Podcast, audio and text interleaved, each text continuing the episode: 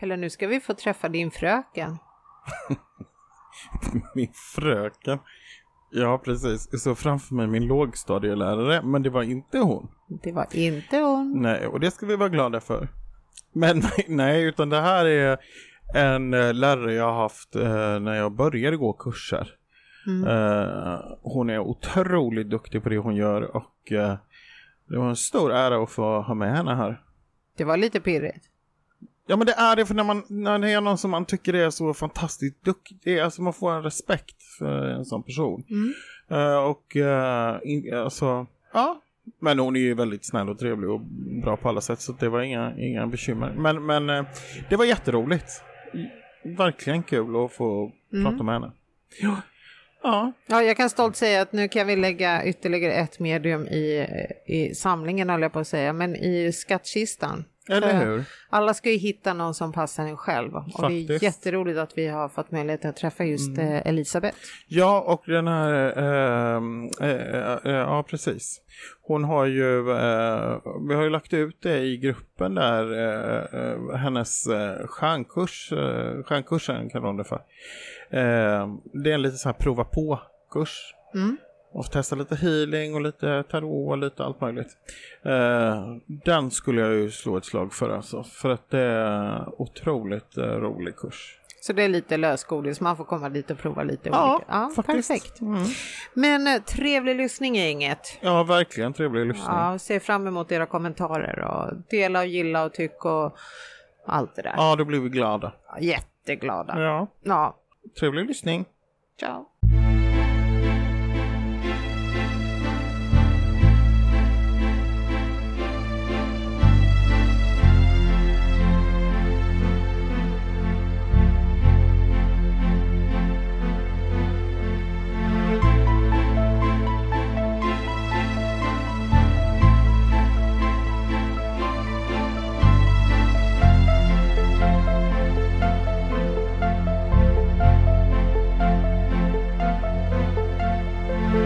Pelle, jag har haft lite separationsångest. Har du? Vadå? Mm. Nej, men vi har inte träffats på så länge. Nej, det var länge sedan nu. Hur du mår du? till Grekland. Ja, jag har varit i Grekland på lite semester, solsemester. En vecka bara. Men det var väldigt, väldigt skönt. Mm, och välbehövligt. Kan jag rekommendera alla.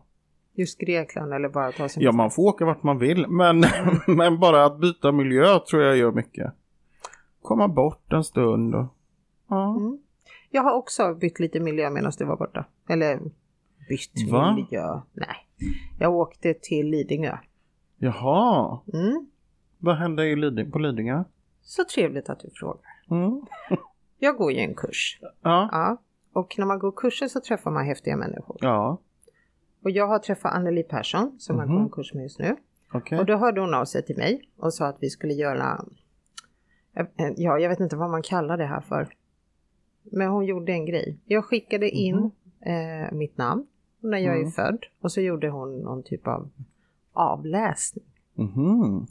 Och sen åkte jag till Lidingö och så satt vi i tre timmar och gick igenom allt hon hade listat ut om mig. Jaha. Jag tog med visitkortet, men jag vet inte hur man uttalade det. Sol Solargy? Solargy? Ja. ja. Anneli Persson. Ja, så står det. Mm. Jaha, vilken grej.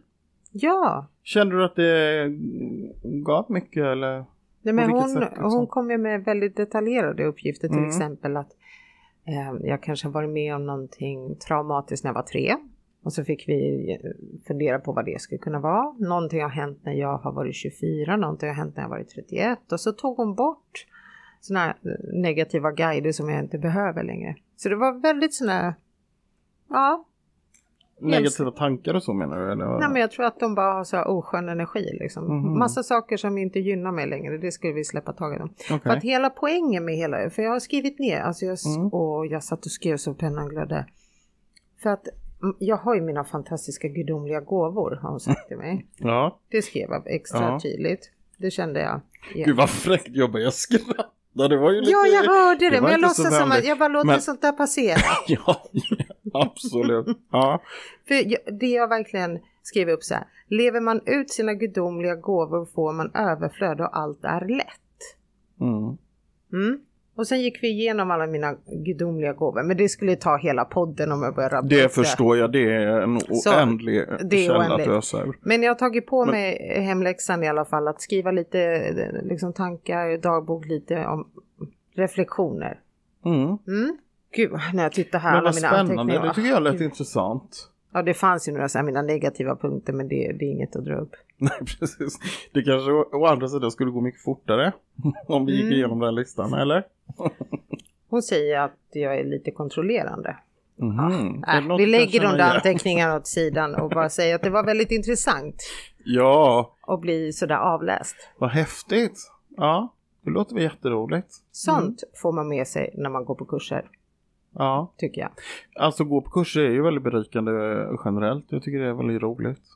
Mm, när man har möjlighet att göra det. Så. Ja, absolut. Mm. Vi har en gäst idag. Det har vi och det är inte vem som helst. Det är någon som jag faktiskt har gått på kurs hos och som jag tycker är fantastiskt duktig. Får jag hänga ut det lite här? Ja. Du har ju, jag tycker du har varit lite nervös inför det här. Ja men det är man ju alltid när någon som jag tycker är så här duktig och du vet då kan man känna så här oj då. Oj då, ja, jag tycker nog att det har varit lite mer än oj då. Eh, Ja men det har gått bra än så, så här långt. så här långt. ja, vill du presentera gästen? Ja det är ingen mindre än Elisabeth Edborg. Hej och välkommen. Hej Pelle! Är det här du ber teknikerna liksom klippa in så här fanfarer och så här? Ja precis. Nej man ska inte ido- idolisera människor på det sättet kanske men, men, men jag tycker att hon, du är Jo, väldigt jag vill höra mera, mera, mera, mera. Nu ska vi prata Ja, hennes ja. ja, exakt, exakt. Ja, men nej, varmt välkommen. Som Tack sagt. så hemskt mycket. Och eh, Pelle, du behöver inte vara nervös. Du var en bra elev. Ja, det var så. Ja, Ja, det var det. Ja, det här är så Ja. bra. Nu kan man ju ställa lite kontrollfrågor. Så här, är han Ja. så där himla duktig på healing? Eller? Ja, det tycker jag att han var. Ja. Ja, absolut. Mm. Absolut. Ja, det var väldigt roligt. Ja. Så, var börjar vi någonstans? Ja, men Elisabeth, jag tycker det är så roligt för när jag hörde första gången du berättade om din bakgrund, att du hade jobbat som eh, chef, eh, eh, IT-chef. Ja, Och då stämmer. tänkte jag så här, shit, den var ju otippad. Alltså, Ja, alltså jag kan väl säga att det som var mest otippat för mig, det var väl att börja jobba som medium. Ja, ja, i och för sig. Men jag menar just men, övergång. ja, alltså, jag förstår, övergång. jag förstår. Jo, men jag har, jag har ju 30 års erfarenhet från IT-branschen. Eh, från ja, 80, 90 och 2000-talet då, kan man väl säga. men då måste du ha varit just den perioden när det växte sådär helt lavinartat. Liksom. Du var ju där när allting hände. Om du har varit i den branschen så länge. Absolut, oh ja. Ja. Jag var ju med i, i föregångarna till Microsoft Word till exempel. Um, Simple Word eller vad det hette för någonting. Ordbehandlare innan Microsoft fanns tror jag nästan. Eh, så att jag började ju egentligen och höll på med det och lärde sekreterare om, om ordbehandling. Och sen hamnade jag mer och mer, eh, ja, jag var produktansvarig för Microsoft Word under många år på två stora försäkringsbolag. Och sen blev jag, eh, eller utvecklade mig till eh, mer projektledare inom det här. Och eh, i något läge så blev jag chef. Eller blev och blev, men jag drev, jag drev några projekt på ett väldigt bra sätt och ledningen fick upp ögonen för mig och jag fick gå ledarskapskurser och sådär. Så att um, jag var chef för en grupp som hade hand om internetsäkerhet och webbservrar bland annat. Och ehm, sen så valde, jag var på Skandia i det läget och då valde de att outsourca till IBM. Så de sista tio åren var jag på IBM och jobbade ja, som chef ett tag, projektledare mest, projektadministratör och så vidare. Men sen eh, började det hända saker med mig, eller jag, ja, det hände massa saker så jag förstod att jag var medial. Jag kan ju gå in på det lite kort sen. Men, Mm, gärna. och sen var det en hel del i verkliga livet också som egentligen pushade iväg mig bort från IBM. Men eh, det här, ja, uppvaket heter det här har Ja. jag förstått. Så att, eh, och vad jag, när jag vaknade upp, det var sommaren 2004. Eh, Jag skulle vara på semester hos en väninna som då bodde i Umeå. Hade varit där tidigare, haft semester och vi brukar, ja, tjejer emellan, äta, dricka, roa oss, ha kul, sola och så vidare. Eh, det var inte riktigt det som hände den veckan, tio dagar, utan eh, ja, det är massor egentligen, men jag ska försöka ta det kort. Jag fick healing för första gången i mitt liv, eh, för jag hade problem med min rygg och då fick jag healing av tre personer samtidigt, så jag höll på att storkna den energin. Jag höll på att tappa andan totalt. Så det var väl andevärldens eh, sätt att få mig att förstå att healing kanske var någonting. För jag trodde ju inte på healing, jag trodde inte på medium i det läget. Spådamer trodde jag på. Sen inser jag att den jag hade varit hos som var säkert medial, men, men det förstod inte jag då. Så att jag fick healing, sen eh, hamnade jag... Nej, det, nästa var att min väninna hade någon som skulle göra en så kallad husrensning eller kolla hennes energier i, i hennes eh, hus. Och av det här jag berättar nu, det var ingenting som var planerat innan jag kom upp dit, utan det bara hände. Mm. Så det kom en man där och kollade in energierna och upptäckte att eh, det var en person som satt fast. Och till saken hör att min väninna har mist två barn, eller i dagens läge tre faktiskt. Mm. Ofattbart, men mm. i varje fall en av de sönerna då hade gått bort väldigt hastigt och eh, fastnat emellan. Och han fick hjälp över till andra sidan av den här personen som kollade energierna i huset. Och eh, då var det lugnt för mig för att innan dess så hade jag känt obehag, jag hade känt jag ska inte vara här, det är något som inte stämmer och så vidare. Och jag och min väninna, vi, vi hittar alltid naturliga förklaringar. Men i och med att då att den här sonen fick hjälp över så lugnade det ner sig. Och då började jag förstå att okej, okay, jag har nog känt av honom. Sen hamnade jag på kurs Um, tittar på auror, går med pekare för att kolla currylinjer, hartmanlinjer, leta vatten gjorde vi. Um, fick kontakt med våra guider.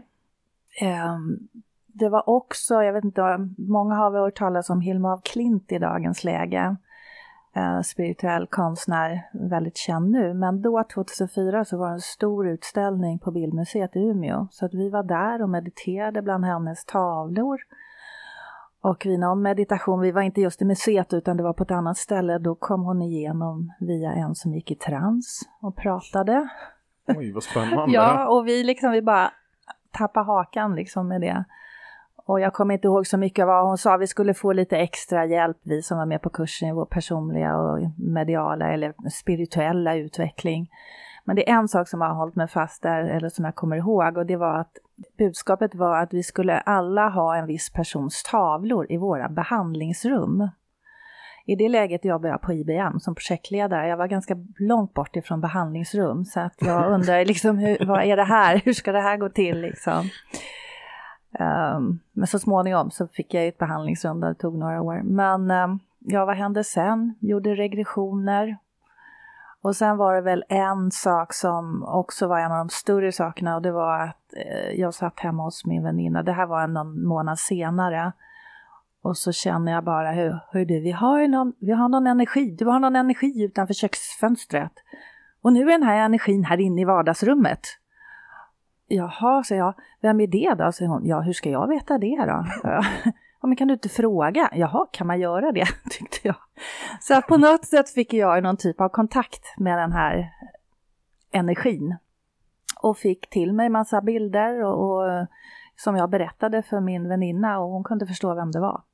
Och så, får, liksom, så, där, det, så det är många olika saker som ledde fram till att jag förstod, okej, okay, jag kan kommunicera eller få kontakt med personer som har gått bort.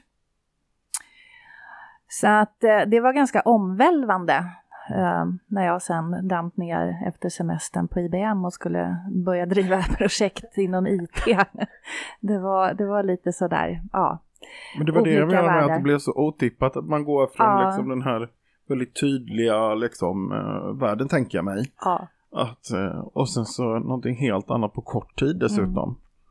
Jag kan väl säga, jag, jag, när jag förstod att jag var medial så kunde jag också gå tillbaka 20 år i tiden och inse att jag hade varit med om en del saker som jag inte hade förstått vad det Men jag vet ju att jag hade besök av min mormor och farmor eh, vid ett tillfälle i min, eh, ja det var min första egna lägenhet. Och jag bara låg där och tyckte det var jätteläskigt och sa liksom nej men ni får försvinna härifrån nu, jag eh, kom tillbaka när jag är mogen för det här eh, ja, farmor kom efter 20 år då, ungefär då. Det här 2004-2005 där någonstans. Eh, och sen, eh, jag reste mycket på 80-talet på mitt jobb. Eh, ja, gamla stadshotell och herrgårdar och sånt. Och jag hade ganska svårt att sova. För jag tyckte det var läskigt. Eh, men eh, så här i efterhand så förstår jag att jag hade ju känt energier då.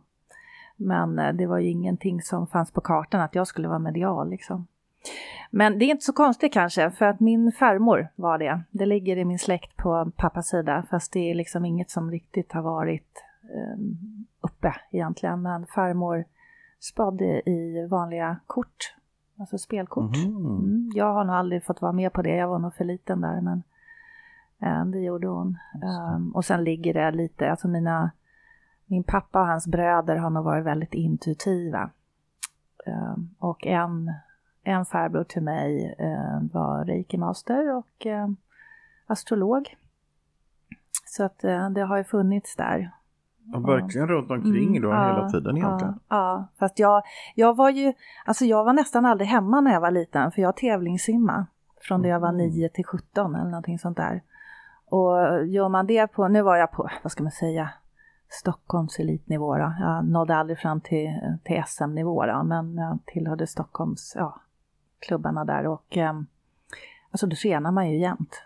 Morgon och kväll och tävlingar på helger så jag var ju nästan aldrig hemma. Så det är inte så konstigt att jag egentligen inte riktigt ja, det, vet om det eller varit involverad. Uh, men uh, ja, det är väl lite historik.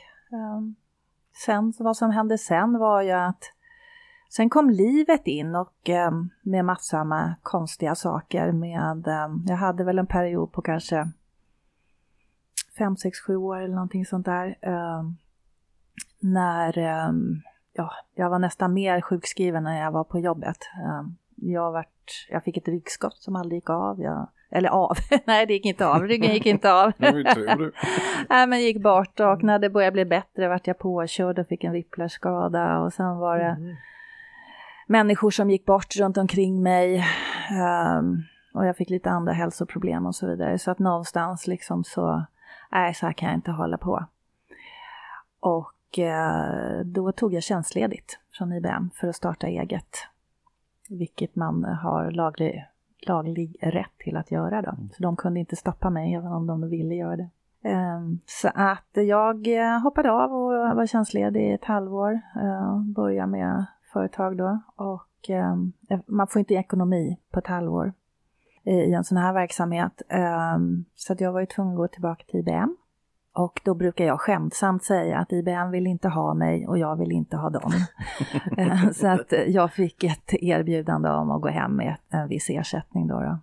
Ehm, och där har jag faktiskt en liten rolig grej om man tänker på, på andevärlden. Jag hade ju fått kontakt med mina guider framförallt en i det läget. Och eh, när jag skulle tillbaka till IBM så hade jag fått höra att nej, du kan inte gå tillbaka till ditt gamla jobb, du måste göra det här och då skulle jag driva projekt och jag kände nej, det kan inte jag göra.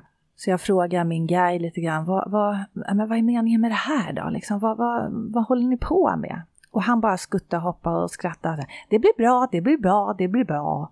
Jaha, okej. Och det blev det ju i och med att jag fick det här erbjudandet att gå hem då. Så att de hade ju, han hade ju full koll på det, vilket inte jag hade då. Det är väl också fantastiskt när man kan se i backspegeln ja, liksom, ja. hur saker och ting, alltså när man står mitt i det så känns det helt otroligt ja, jobbigt. Men i backspegeln ska man se att det fanns ett högre syfte. Det är ju jättecoolt. Jag vill ju fråga lite mer om det här med guider. Mm. Hur fick du kontakt med dina guider? För det tycker jag är lite så här återkommande fråga när man går på kurser och sånt, mm. de som inte är så här hardcore. Mm. Ehm, just att eh, ser du dem med liksom dina fysiska ögon eller anar du, skulle du kunna beskriva hur de ser ut? Eller hur ska man? Mm. Jag kan väl säga att det började som jag sa när jag var på den här sommarveckan då uppe i Umeå. För då var en övning där vi fick ställa oss vid en vägg och så skulle vi be våra guider ställa sig bredvid oss. Och jag tänkte hur fagen ska det här gå till? Så jag väntade in i det sista liksom eh, och gå upp då. Men jag gjorde det och till min egen förvåning så kände jag jättetydligt två energier, en på vardera sida. Och så fick jag frågan, ha är det en man eller kvinna? Ja, och då bara säger jag, ja, ja, det är en man på ena sidan. Och jag var helt övertygad om, jag bara fick till det med det. Liksom. Ja, eh, och på den andra sidan, och då började jag tänka logiskt, tänkte jag, men det måste ju farmor vara, måste ju vara där då. Nej, då var det en man till. Så jag var jätteförvånad. Så att så började det och sen så kan man med hjälp av pekare gå mot de här energierna och då gör pekarna utslag. Jag vet inte om vi gjorde det jo, någon gång. Vi. Ja, ja. ja. Det är lite kul för då ser man faktiskt att det, det finns någonting där. Så så började det. Sen har jag väl fått, um, alltså man har ju oftast ett, ett stort guide-team men de kommer lite pö om pö beroende på vad man har behov av skulle jag vilja säga.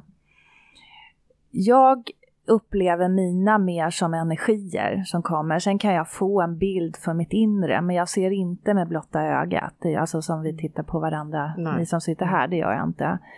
Men jag kan förnimma och jag får liksom deras karaktär och lite grann hur de kanske ser ut. Men oftast är det, är det manlig eller kvinnlig energi, lång eller kort, hur är dess energivibrationer. Så det är lite mer så. Och det jag har lärt mig av dem det är att de oftast vill att vi ska förstå, eller känna igen dem, som ska jag säga, känna igen dem utifrån deras energier. För det är så vi känner igen varandra när vi inte har en kropp. Men självklart så vill vi ha namn på dem. Och ibland får man namn och ibland kan man bara sätta ett namn. Mm. Har du gjort den övningen Pelle? Mm. Jo, men det gjorde vi där på, mm, på ja, kursen. Ja. Mm. Eh, jätteintressant faktiskt. Mm. Roligt. Och som du säger, det blir väldigt påtagligt då. För att ja. det, blir, ja, det blir konkret och tydligt. Mm. Mm. Sen kan jag säga ett väldigt bra och enkelt sätt eh, om man vill träffa på guider, det är att lyssna på en meditation, en vägledd meditation där tanken är att man ska träffa någon. Eh, för då, då släpper man ju alla tankar och man släpper omgivningen och går in i sig själv och då har de också lättare att komma fram.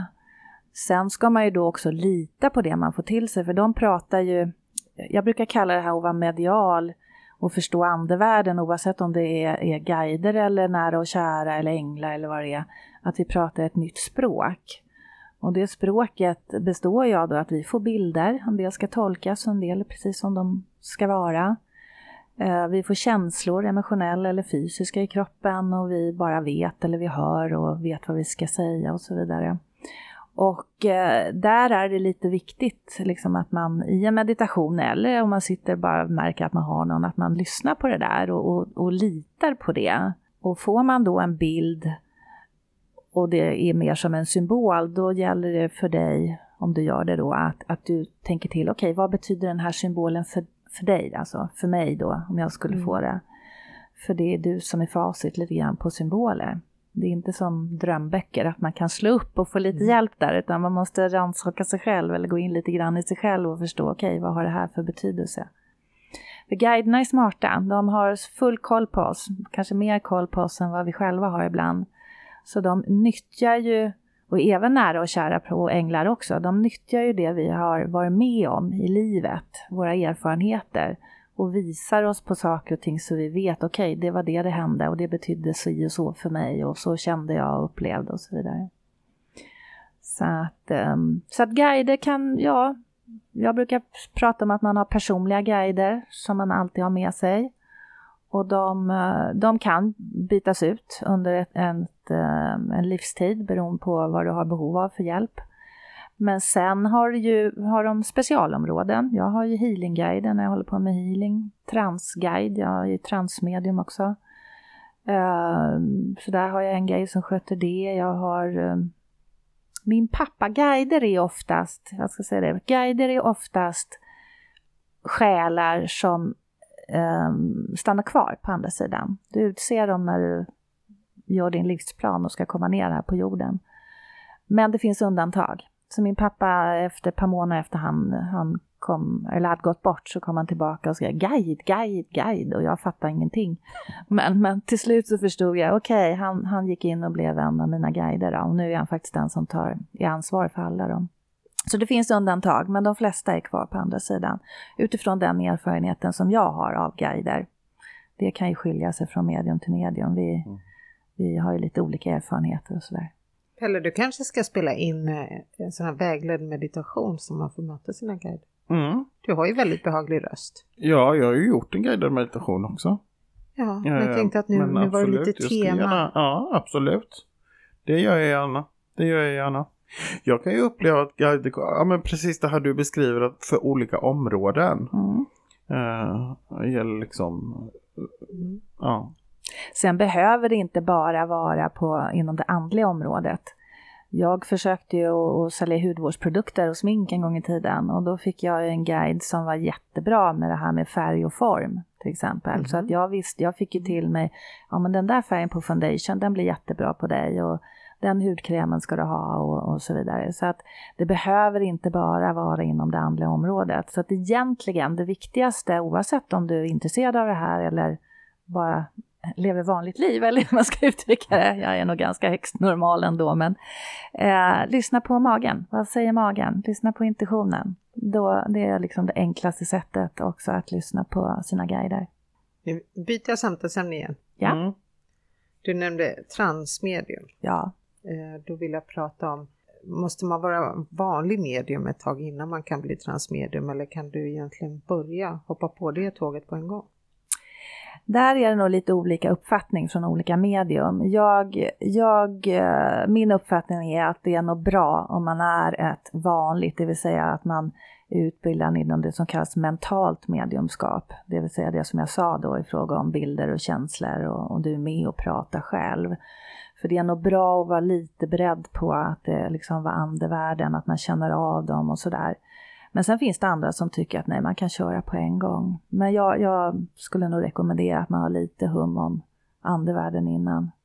För det är ett helt annat sätt att jobba på. Kräver det inte också, alltså jag, jag reflekterar över det, att, mm. att jag tänker att ett transmediumskap kräver också tillit på en helt annan nivå. Ja. Alltså att verkligen släppa, alltså det gör ju vanligt mediumskap också, men, men ja, ännu mer. Ja, du måste ju ställa dig he helt och hållet själv åt sidan och du går in i om ja, en djup, om vi ska kalla det meditativt tillstånd och ännu djupare och ännu längre bort. Vissa transmedium försvinner ju helt och hållet, är inte medvetna om vad som händer. Jag är kvar och hör vad de säger, men det är inte alltid jag kommer ihåg vad de har sagt.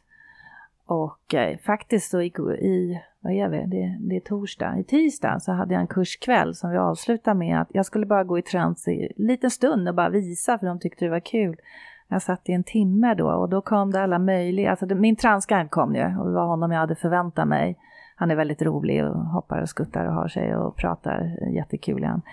Men sen kom det helt andra energier också. Så det tog ett tag innan jag faktiskt fattade att det var det. Men jag bytte samtalsnivå, eller samtalsämne och jag bytte också hur jag pratade. Så till slut så insåg jag att de byter plats här. Så att, eh, men det är verkligen, de blandar ju sina energier med mina energier så man går ju upp väldigt högt i energi eller i vibrationer. Uh, och uh, sen får man ju släppa taget, absolut.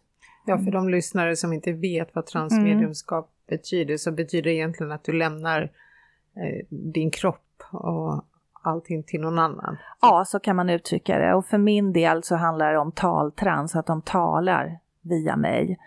Men det finns ju transmedium som målar eller skriver automatskrift. Så det finns ju an, olika varianter på transmediumskap också. Mm, Men det mest vanliga är nog taltrans. Ja. Så att om det skulle vara min mormor så kommer hon att prata finska? Ja, nu, nu kan jag väl säga, jag tar bara emot guider. Men det finns ju mm. absolut transmedium som, som tar emot nära och kära som jag säger. Mm. Har du upplevt det här live Pelle någon gång? Eh, jag, jag har upplevt det, eh, jag får säga en light-version av det på en kurs eh, i, på en kurs där vi gjorde just en sån övning och eh, jag märkte att jag hade väldigt lätt för att eh, koppla bort. Mm. Mm. Eh, men jag är absolut inget proffs i ämnet. absolut. Men det var, det var en otrolig upplevelse och jag skulle verkligen vilja fortsätta utforska det. Ja. Mm. Spännande. Mm. Och det här med reiki, hur gammalt är det där egentligen? Reiki, du ja. pratar alltså Nu healing. hoppade jag över till healing. Ja. ja. Nytt ämne. Nytt ämne. Jag kan tyvärr inte uttala mig om det, för jag är inte utbildad inom reiki. Jag mm. är utbildad och håller på med något som kallas för andlig spirituell healing, mm. där man går enbart på intuition det jag har förstått av reiki, och som sagt var, jag är inte utbildad så jag kanske pratar i nattmössan, men där är man lite mer styrd och går efter ett speciellt mönster och man jobbar med symboler och så vidare. Det gör inte jag. Mm. Och jag, så att jag kan inte svara på hur gammalt det är. Ja, för jag vet inte om det är en modern grej eller är någonting som... Alltså man hör ju mycket kanske om reiki. Jag vet, eh, Eh, nu är det väl eh, friskvårdsbidraget så kan man väl använda till Reiki Healing tror jag till och med. Men då måste det vara asgammalt. Du vet ju hur lång byråkrati... Eller hur, den har tröskat sig igenom hela... Den enorma tröskeln så det måste vara skitgammalt. Jag kan nog säga att så här, det finns ju ett äh, Reiki-förbund och de var väldigt duktiga på att påverka, så kan man säga, och, och föra fram sin ja, sin reiki healing, så kan man säga. Men jag har kollat, upp, jag har kollat det här vid några tillfällen. Jag tror inte att det står reiki healing specifikt eller healing, men det står friskvård, mm. eller alltså stressreducerande eller något liknande. Ja, så. Okay. Och jag skulle tippa att det är där vi hamnar. Ja, det, men jag vet samma. att det pratades om, och det kanske är så, jag kanske har fel, men uh, de var väldigt mycket och lobbade för det, vet jag. Duktiga på det. Mm. Men från IT-chef till att hålla i kurser? Ja, Fast jag fick ändå uppfattningen att tidsmässigt så tog det inte så lång tid. Alltså jag, jag förstod ju att jag var medial 2004. Mm. 2005 så började jag gå kurs hos ett engelskt medium som het, eller hette, för hon lever inte längre, Iris Hall. Hon var här i Stockholm, eller ja, i Stockholm bland annat, nej, mm. Södertälje, i Sverige ska jag säga. Mm. I Sverige var hon på olika ställen och eh, hade utbildat ett antal svenska medium som hon då mm, jobbade ihop med och höll kurser. Så att jag gick och sen eh, i fyra år innan jag fick certifikat av henne eh, och även healing-certifikat. Och då är vi framme vid 2009. Och december 2009 låg jag inlagd på sjukhus av olika skäl, bland annat svininfluensan som ja, inte mm. var roligt. Mm. Men det var andra faktorer också, så kan jag säga. Och där, där tog jag beslutet att ta tjänstledigt i det läget. Och sen eh, så från första maj 2010. Så det tog fem, ja, fem år ungefär då. Ja, fast Innan. jag tror många som vi träffar, mm. de första fem åren går ju åt att bara skramla ihop lite diplom. Ja. Ja. För man känner att man ja, inte är good enough.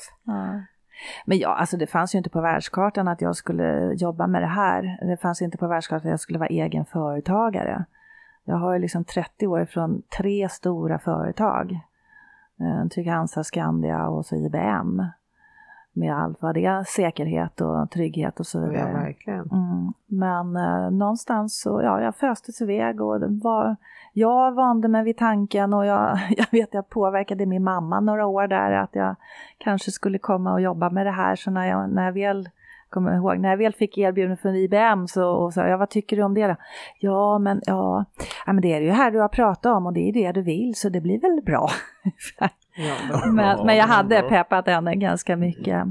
Men visst, det, ja, när jag hade tagit, alltså ett av skälen till att jag tog steget, det var ju också att jag tyckte det här var så roligt. Alltså det var fullkomligt bubbla inom mig när jag höll på med det.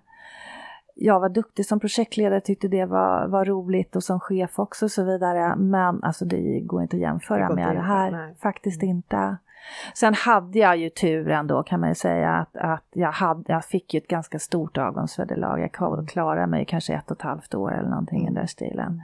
Så att, och det ska man inte sticka under stol med för att det är många som vill gå från en, säg vanligt jobb då, till det här och det är inte lätt. Alltså man måste hitta någonting som man kan dra ner på arbetstid och öka upp den andra och köra parallellt. Mm. Så att jag, ja, jag är tacksam för den hjälpen jag fick i det läget, det måste jag säga. Vart hittade du dina kursare någonstans? Där? Hur, Mina kursare? Jo, det hittade jag, alltså det det traditionella, hemsida, samla på sig e-mailadresser för nyhetsbrev. Men sen faktiskt, jag pratade ju om min farbror som, som höll på med reiki och var astrolog och, och så vidare. Och han och jag och några till startade en spiritualistisk förening som heter Öppna spiritualister. Det gjorde vi 2007.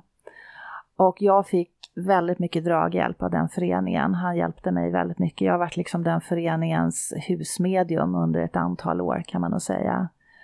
Eh, hjälpte till en hel del i föreningen, även om det var min farbror som drev det mesta då, ja, till, så länge han levde. Men kunde annonsera om mina kurser där och, och höll seanser minst två gånger om året och så.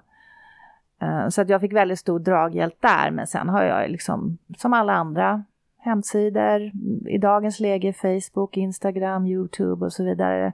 Det var jag kanske inte så aktiv på från början. Um, ja, så det, jag, kan, jag kommer ihåg första gången jag skulle träna inför mitt certifikat och då måste man ju ha ja, människor som ska skriva referenser, eller och öva också. Och då fick jag hjälp av min, eller jag frågade min farbror, jag fattade inte riktigt hur involverad han var i den här världen i det läget. Jag sa, har inte du några jag kan få öva på? Jo visst, han. Och så skickade han ut sitt nyhetsbrev som jag inte vet jag hur många det gick, men det sa två sekunder så hade jag 40 pers, eller 40 mejl liksom. Så att jag, har, jag, jag fick väldigt stor draghjälp där, men sen absolut, som alla andra, ut och marknadsföra sig. Hålla seanser, det är ett sätt att marknadsföra sig. Eh, ta tillvara varje tillfälle när man träffar någon, när man börjar prata, lämna visitkort och så vidare. Liksom. Så att, um... Men hur var det att hålla första kursen då? Det var inte så, alltså det har jag inte nämnt så mycket, men när jag var inom IT så höll jag mycket kurser. Jag höll kurser om ordbehandling, jag höll kurser om projektledning, kvalitetssäkra projekt och, och lite så. Så att jag hade ju vanan att, att, stå framför folk och prata, jag hade vanan om att hålla kurser, jag, liksom, hur lägger jag upp och så vidare. Så att egentligen så bytte jag ju bara ämne. Och lite mer glöd kanske? Och lite mer glöd, ja, ja faktiskt. Ja. Så att jag måste säga, jag har haft oerhört stor nytta av min tid inom IT-branschen, både utifrån det perspektivet, men på IBM vet jag, alltså jag var inte så jätteförtjust i det bolaget får man väl inte säga, men jag var inte det. Men jag lärde mig väldigt mycket om avtal, relationer till kunder eh, och så vidare. Så att jag har haft väldigt stor nytta av mycket därifrån också mm. faktiskt. Hur var det du hittade kursen Pelle? Hur jag hittade mm. den? Gud, det kommer jag inte ens ihåg faktiskt. Jag vet bara att det stod eh, mm. bortom allt rimligt tvivel att jag var tvungen att gå en kurs. För att det hände så mycket konstiga saker hemma och jag känner nu kanske det är läge då. För jag har stretat emot i ganska många år.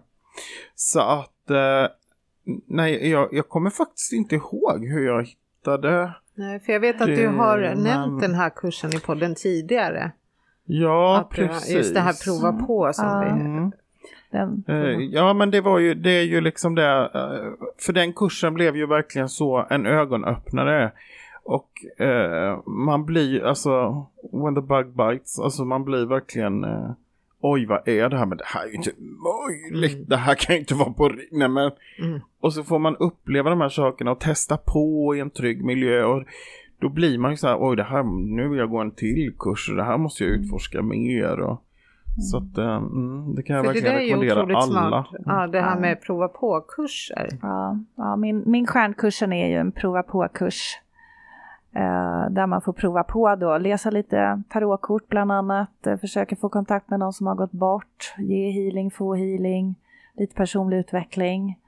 Eh, jag pratar lite om guider och det är verkligen prova så att jag liksom ja, coachar folk att liksom våga Uh, och uh, de flesta klarar Jag tror inte det är någon som, jag kanske någon enstaka och jag har ju hållit där, jag vet, jag, någon gång ska jag räkna hur många elever jag haft, ja. men jag har inte gjort det ännu. men jag har ju hållit den sen kanske, ja, vad kan det vara, 2012 eller något sånt där kanske. Mm. Men sen har du ju också mycket, mycket längre kurser som jag förstår. Ja, mm.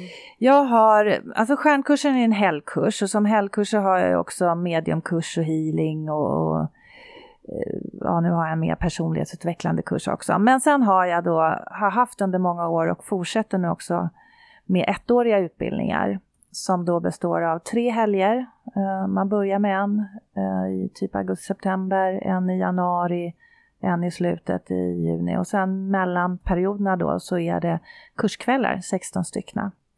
Och det har jag haft steg 1, 2, 3 och vi har setts fysiskt. Men eh, sen kom det en liten pandemi som kom in med digitala världen och eh, jag har också, eh, ja vad ska jag säga där då, ja, hittat ett, ett ställe i solen där jag vill vara ganska mycket så att nu försöker jag styra om mer och mer digitalt. Så att nu håller jag en som heter mediumutbildning kombo som då består av tre helger där man ses fysiskt men sen är det 16 kurskvällar via Zoom. Och då är det mm, ja, intuition, medialitet, guider. Och jag måste ju säga, jag har blivit glatt överraskad när jag fick lägga om mina kurser under pandemin till, till Zoom, för det funkade förvånansvärt bra. Vilket man trodde inte skulle vara. Nej, man tänker nej. så här, ja, men det kan ju inte så, vara lika bra. Men... Det är samma som häromdagen när jag sjunger i kör, har jag mm. kanske nämnt. Vi hade konsert igår, du missade. Skitsamma, jag vill inte prata om det, jag är så disappointed. Men i alla fall, när en av kursdeltagarna, eh, eller kördeltagarna skulle köra hem henne och då frågade hon så här, eh, skulle du kunna kolla på en bild? Och då tänkte jag också så här, men vad då en bild och läsa av det, det, det kan ju inte gå när den är i telefonen. Utan det måste väl antingen vara liksom fysiskt fotografi eller kanske en, mm. något att hålla i. Men jag sa okej, okay, jag testar väl då. Det gick ju jättebra. Och det var ju liksom en bild i mobilen. Mm. Mm, det är det. Ja men det är väl lätt att man fastnar i så föreställningar om hur det mm. ska vara eller hur det ska ja. fungera eller Absolut. Så. Men visst får jag in det här med dåligt samvete ganska snyggt i det här? När ja, verkligen. Jag märkte det ja. knappt. Men då tänkte jag kontra med att om man väljer att bosätta sig i Tyresö så blir det kanske så. Jaha, tycker du att det är långt borta? Ja, jag tycker det är lite långt borta. Jag som inte är bilburen. Ja, ska vi börja prata mm. om ditt körkort också? Ja, vi kan ta det en annan dag. Okej, okay. mm, då gör vi det en annan dag. vi låter det mogna. Ja, det är lite övermoget nu tror jag. Eh, men, mm. men det här med Youtube och sånt, där märkte jag i alla fall att många yrkesgrupper hoppade över till Youtube när pandemin mm. Det gjorde jag nog också, eller om jag, jag kommer inte ihåg om det var strax innan eller om det var i samband med pandemin. Jag tror nästan att det var lite innan, för att jag körde igång och hade jag gjorde äh, vägledningar, readings. Äh, välj ett kort och så gjorde jag tre, man kunde välja av tre kort och så gjorde jag tre olika vägledningar då och fick äh, bra respons. Men sen kom, det här var nog innan, för sen kom pandemin, då hade jag inte tid så den har mm. legat vilande. Men det är på gång, upp igen, absolut. Det, jag har en hel del förändringar i min verksamhet nu, att jag går mer och mer mot digitala eh, plattformar. Eh, även, jag tar ju emot kunder i Stockholm fysiskt men jag gör också via nätet, telefon eh, och det fungerar ju lika bra. Mm. Uh, och som sagt var, jag har ett litet ställe i solen där jag gärna vill vara så då kan jag ju jobba på distans därifrån också. Men, och det funkar bra och uh, sen är det alltid roligt att träffa människor, visst är det så, absolut. Men jag försöker digitalisera mig mer och mer nu och eh, håller även på med en webbkurs om guider bland annat. Um, så att, um, ja. För det känns som det här digitala, nu har mm. inte jag haft så mycket Zoom-möten och sånt i mitt mm. arbete som det kräver många gånger att jag mm. behöver vara på plats. Men jag inbillar mig ändå att det blir mer disciplinerat när det är digitala möten. Då är det inte så mycket flams, trams, eh, dricka kaffe, blaj blaj, utan det blir väldigt eh, strukturerat. Det beror nog på den som håller. Jag märkte ju att jag fick utvecklas som lärare när jag höll via Zoom, att jag fick styra samtal eller faktiskt till och med avbryta folk ibland för att få någon typ av struktur. Eh, lägga upp övningar på ett lite annorlunda sätt och så vidare. Så att men visst kan de flamsa ändå. Sen, sen, har vi fika och då kan alla vara kvar och, och fika med varandra i sina små bildrutor och sådär. Så att det, men, men visst, lite mer disciplin blir det och det blir väldigt effektivt tycker jag. Man hinner liksom mer. Jag som lärare då, om man nu pratar Zoom, kan jag hoppa runt i de här breakouts room, eh, grupprummen och det går ju på sekunder så byter jag ju bara plats. Så att, um, Jättebra, jag tänker uh, även nu alltså som deltagare. För om man kombinerar både på plats, du pratar om mm. de här längre, att, ja men då får man det här eh, personliga mötet också, man, man eh, ses vid några tillfällen. Men samtidigt så slipper man kanske å, ja. åka eh, ja. långa avstånd för att ta sig till en kurslokal och så, mm. utan då är det bara att koppla upp sig. Mm, ja. För det där är väldigt, väldigt begränsat, för jag tycker också väldigt, väldigt tråkigt att det liksom det mesta alltid ska hända i Stockholm, Göteborg, Malmö. Mm. Jag menar, det finns ju fler städer och andra orter. Ja visst gör det det. Ja. Att även de ska få tillgång så det är ju fantastiskt för alla de personer. Ja, mm. mm. ja jag hade ju, vad är hon då, från Luleå var jag har en. Sen vet jag NH, det, det är närmare Stockholm än i Sigtuna, slipper Mm. åka och med litet barn hemma och så vidare. Så att eh, det, det, ja, det finns fördelar absolut. Och så kombinationen tror jag är bra Ja, också. exakt. Man Det kändes lite väldigt bra när jag fick till den varianten Mm. faktiskt. Och jag glömde bort det. Vi har inte ens pratat om kursgården LOS. Jag Nej, den vi- vill jag höra mer Ja, om. gud, Ja. kursgården i Ja, Los, för det är ju, ja. lyssnarna har ju frågat hur det gick med kursgården i Los och då kan vi bara berätta lite snabbt. Vi åkte Ja. dit här för några fredagar sedan och så kommer vi dit och möter den jättetrevliga säljaren, han som äger huset idag. Och han berättade lite bakgrund och sen fick vi gå in i huset och det var egentligen en helt vanlig visning skulle vi kunna säga. Mm. Och sen så släckte vi och så låste vi och sen gick vi till den andra byggnaden för det ingår ett, ett vanligt hus till det här stora värdshuset. Och när han höll på att leta efter nycklar så frågade jag honom, spökar det där i den där huvudbyggnaden? Och han frågade så här, ja, stör det dig eller något sånt? Ja, jag sa, nej, nej, nej, det stör inget, jag är bara nyfiken. Och då fick den här visningen lite annan Nej. karaktär. För då börjar han ju berätta saker som händer nästan dagligen. Han ser ju någon kvinna, han sa ju det bakifrån sig, han, Ja, han har inte sett ansiktet. Han hör ju röster, han hör ju inte riktigt vad de säger. Och det skramlas, det möbleras om. Och sen nämnde Tänds han... på vinden, råvinden. Ja, just det. Ja, så det, det händer massa saker. Och sen sa han att eh, vi kan gå tillbaka till det här huset sen. eh, När vi har tittat på det här huset så får du känna hur de rullar ut röda mattan. Jaha, tänkte jag. För till huvudbyggnaden så är det som en tarm där alla hotellrummen ligger. Det ligger tio rum och han sa rum nummer nio. Där var det ju mycket energier. Att till och med de som har sovit över där har ju sagt till honom att du vet väl om att det är någon som redan finns där. Och eh, då gick vi först in i den här andra byggnaden och där fick ju grabbarna panik. För när vi går in där och så är det en trappa upp, då går tekniker, Robert går upp och så är det som en liten vind och jag tänkte, men varför går han inte in? Det var ju mörkt så jag tänkte han fipplar väl fram eh, ficklampa. Så jag typ trycker in honom där och han vill inte gå in där för han tycker det är så obehagligt medan jag tyckte gud vilken fin vind det var och kände ingenting. Och, och Robert påstår att det är så otäckt så han går ner och vi ropar på dig Pelle. Och du kommer ju in där och jag så bara... Ja, jag fattar först inte för jag står och pratar med honom om någonting helt annat och så Ja. ropar ni så jag går upp och bara ja vad är och då är ju den här vinden där och öppnar dörren och får sådana kvällningar. Alltså jag måste gå ut därifrån.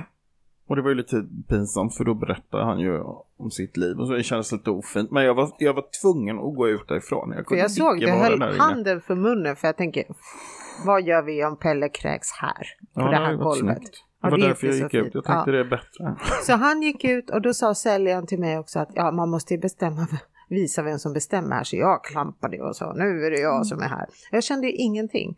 Så eh, när vi sen lämnade det här huset där jag inte känner något så går vi tillbaka till huvudbyggnaden och då knackar han och säger hallå huset, nu kommer vi in.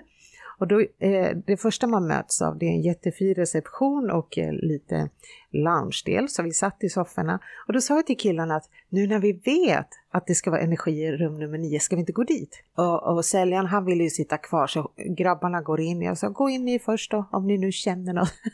Killarna gick in, ni gick ju bara in och vände och så gick ni ut. Ja, jag kunde inte, och vilken doft. Nej. Vad var det doftar då? Ja, jag tycker det doftade unket. Det kändes väldigt unket och jag fick likadana kvällningar där inne. Så jag bara gick ut igen. Ja. Jag kände inte att det var... Och jag var ensam kvar i korridoren och så tittade jag upp i taket. Då lyser de här lamporna, men vi har ju släckt allting när vi har gått därifrån. Så jag ropade till säljaren och sa, äh, har du tänt här nu igen? Och då suckade han. Han bara, nej, det här ska inte vara möjligt för jag använder huvudströmbrytaren. Så han fick ju då gå hela vägen eh, för att stänga av de här lamporna. Det var jättehäftigt där inne. Ja, det var Ja. väldigt mycket uh, svung där. Ja, det var, det var Ja. mycket energi där. Och återigen, det Mm. här Elisabeth är ju så eh, intressant tycker jag. Att här sitter jag och inbillar mig att jag är så otroligt medial och kan känna in massa saker. Men just sånt här, jag känner inte det här obehagliga. Jag känner alltid bara det fina. Så att, tror du att jag kan ha så inbyggt filter som gör att jag, det här dåliga kommer inte ens åt mig? Möjligt. Jag, jag kan inte svara på det riktigt, men det. Nej, jag kan inte svara på det. Men jag vet att jag hade i min lokal som jag hade på Lilla Essingen, jag hade ju ett center där under många år, Eh, och och eh, mina elever kunde ju märka liksom, mannen på toaletten och kvinnan i det och det rummet och jag märkte dem aldrig. Men det, det var nog för att jag blev van vid dem och det kanske inte du var i det där huset. Mm. Men, mm. Eller så kanske ja. de ville att ni, ni, skulle köpa det så de, de eh, höll mm. sig lugna när du var där. Nej, jag, jag har faktiskt ingen bra förklaring. För, för samma har jag upplevt mm. förut när vi har varit i till exempel lägenheter. Mm. Mm. De som bor där vet att det händer massa saker. Mm. Jag hittar bara alla ställen där man mår mm. bra och allting är så harmoniskt och fint och alla andra går runt och har ont i magen och ja. ångest och tryck för bröstet. Men man kan väl säga så här också, det beror ju lite på, det hänger ju inte bara på dig egentligen utan det hänger ju på de själar då som, som eh, ja, grabbarna stöter på och även mm. du då. Eh, till vem de skickar sin information. Mm. För de, de skickar ju precis som nära och kära på andra sidan och guiden, de skickar ju om de mår dåligt till exempel, de skickar ju det. De kan ju skicka, de, ja, men de kan ju skicka dels liksom vad som har hänt dem, men sen kan de ju skicka, du ska inte vara här. Jag var med om en sån sak för, för många år sedan, nu kommer jag inte ihåg vad den här herrgården heter, den ligger mot Uddevalla-trakten, jag var där på en ledarskapskonferens och kommer in sent eh, efter diverse middag och barbesök i ett rum och så känner jag bara, här ska inte jag vara. Och jag hade tänkt, det fanns två sängar, en i en sängalkov och en vid sidan om och, och jag skulle sova i sängalkoven tänkte jag. Men där låg det en kvinna. Och dit skulle inte jag. Så att jag, jag, det var jätteobehagligt faktiskt. Men hon skickade ju på mig. Men eh, du, de kanske inte skickar information till dig helt enkelt. Jag tror, de de gick på killarna istället. Ja, för mm. alla mm. som känner mig vet ju att jag är världens sämsta sjuksköterska. Mm. Så att det, det, är lite så här, jag bryr mig inte. hit och beklagar dig. Det är ingen, ingen idé, för här hittar du inga sympatier. gå undan bara, mår du dåligt, gå bara undan. Kom fram sen när du känner dig pigg och fräsch igen. Du får bara in sådana som har levt i finska Karelen kanske, där det är ja, lite kärvt. Ja, men alla som är, där är lite liksom liksom mm. alltså, inga gnällspikar. Ni kan ta hand om de här som är lite mer pipiga och behöver lite mm. kärlek och omvårdnad. Hos mig har de ingenting har hänt. Nej. Så jag, först, jag tyckte det var jättebra för ja, jag tackar ja, för den inlägget. Ja, och jag vill att det fortsättningsvis även är så. Du kanske har guider som skyddar dig väldigt väl. Det är det möjligt jag, också. Absolut. Mm. Jag har ju, mina guider heter Gösta, det är deras samlingsnamn. Okej. Okay. För jag mm. fick reda på namnet mm. och de är väldigt många men för att det ska mm. vara enkelt för mig så behöver jag bara ropa på Gösta. Ja, det är bra. Mm. Och jag tror jag fick ett enkelt namn också just för att eh, då behöver inte jag fundera så mycket. Nej. Jag hade en som kom jag frågade vad heter du då? Så, ja, nej men nu när jag är här på jorden då vill jag ha ett, ett jordnära namn så jag vill heta Jens. Ja, liksom. ja. och, det, och sen hade han säkert liksom något annat. Jag har ju andra som heter Ikeros och Orion och allt vad det är liksom så att det, det ja. Men då, på tal om guider, det tycker jag mm. är rätt intressant för att när man går så kurser i början och ja, men så den här prova på-kursen mm. och man börjar prata lite om guider och så, då blir man ju lätt liksom väldigt fixerad. Eller jag blev det, alltså att vad coolt, det vill jag, åh oh, gud, och tänk att få uppleva det och sådär. Och då, då blir det någon slags nästan lite krampaktigt i det där va. Mm.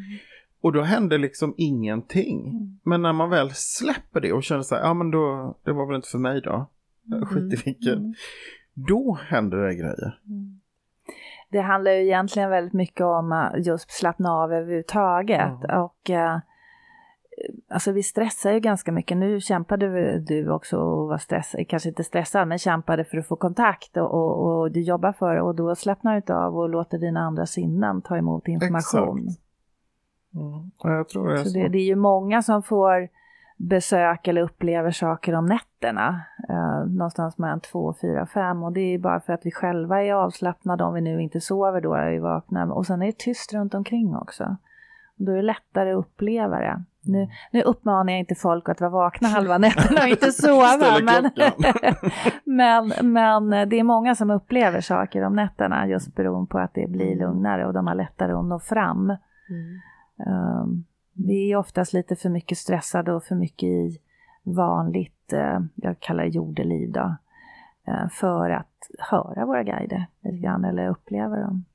Vilket påminner mig när jag var och träffade Anneli, mm. som jag pratade om förut. Så, eh, så sa jag också att man följs med en guide och sen får man, blir man liksom tilldelad nya när man hamnar liksom i olika situationer. Mm. Men jag uppfattar som att det är mitt högre jag som anställer dem?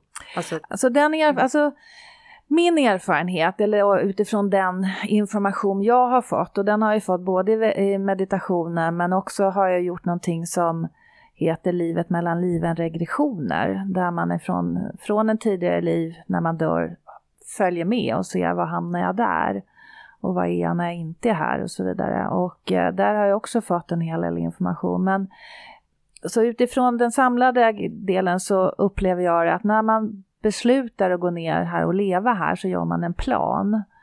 Och ihop med det så utser man då ett antal guider. Så egentligen så är det du och dina guider som beslutar om din plan. Och för min del så har Alltså jag tror, har ju hört att plan, livsplanen ska godkännas av någon råd och så har jag sett ungefär domstol med, med eh, äldre män i, i um, puderperuker ungefär. Mm. Men det som kom fram var ju att det är du och, och dina guider, det blir ditt personliga råd som godkänner din plan. Sen verkar det att man ska ha en godkänd någon annanstans också. Så att min, min erfarenhet eller min uppfattning är att du faktiskt själv ser ut dem. Men att de sen då kommer vid olika tillfällen, mm. absolut. Mm. Uh, och de ser ju det många gånger som en ära. Jag gör ju så kallade transittningar där min kunds guide kommer igenom och pratar direkt till min kund. Och det är många som uh, av de guider som säger oh jag är så tacksam och jag är så glad och det är en ära att få vara din guide och så vidare. Så att de ser det verkligen som ett eh, ja, hedersuppdrag ja. lite grann faktiskt. Ja. Men livet mellan livet, det här, kan vi gräva där lite grann? Lite grann, det är inte min specialitet. Jag har kollegor som gör sådana som är betydligt mycket bättre på det. Men för min del var det väldigt intressant för att jag kom upp och fick träffa mitt råd i ett rum. Jag kom iväg Eh, någonstans där jag är när jag inte är här på jorden och vad jag gjorde och när jag är där och inte är här och så vidare. Så att det finns väldigt mycket information att hämta i en sån session och det är ju, man blir ju förd ner i, i en hypnos. Uh, och så pratar man på vad man upplever och kan, man kan ställa frågor och så vidare. Så att jag gör ju inte det, men som sagt jag har kollegor som gör det, som är duktiga på det. Så det kan jag ju rekommendera. Man bör kanske ha gjort någon tidigare livregression innan. Mm. Mm. Men det är väldigt intressant faktiskt. Det är det. För vi har ju gjort den här tidigare liv, ah, både Pelle och jag. Mm. Så att det här kanske är nästa steg då. Mm. Mm, faktiskt. Mm. faktiskt. Jag tänkte att jag skulle boka det. Ja. Nu hade jag en, en ja, kollega vän som, så att jag fick nog lite skräddarsydda varianter. Våra guider hjälptes åt där, men, men det är absolut väldigt intressant. Jag kan rekommendera det. Men man ska vara medveten om att man, man ska ha nog lite hum om energier och, och, och, och andlighet och lite så. Det tror jag nog. Men, eh, men det är intressant. Mm, absolut.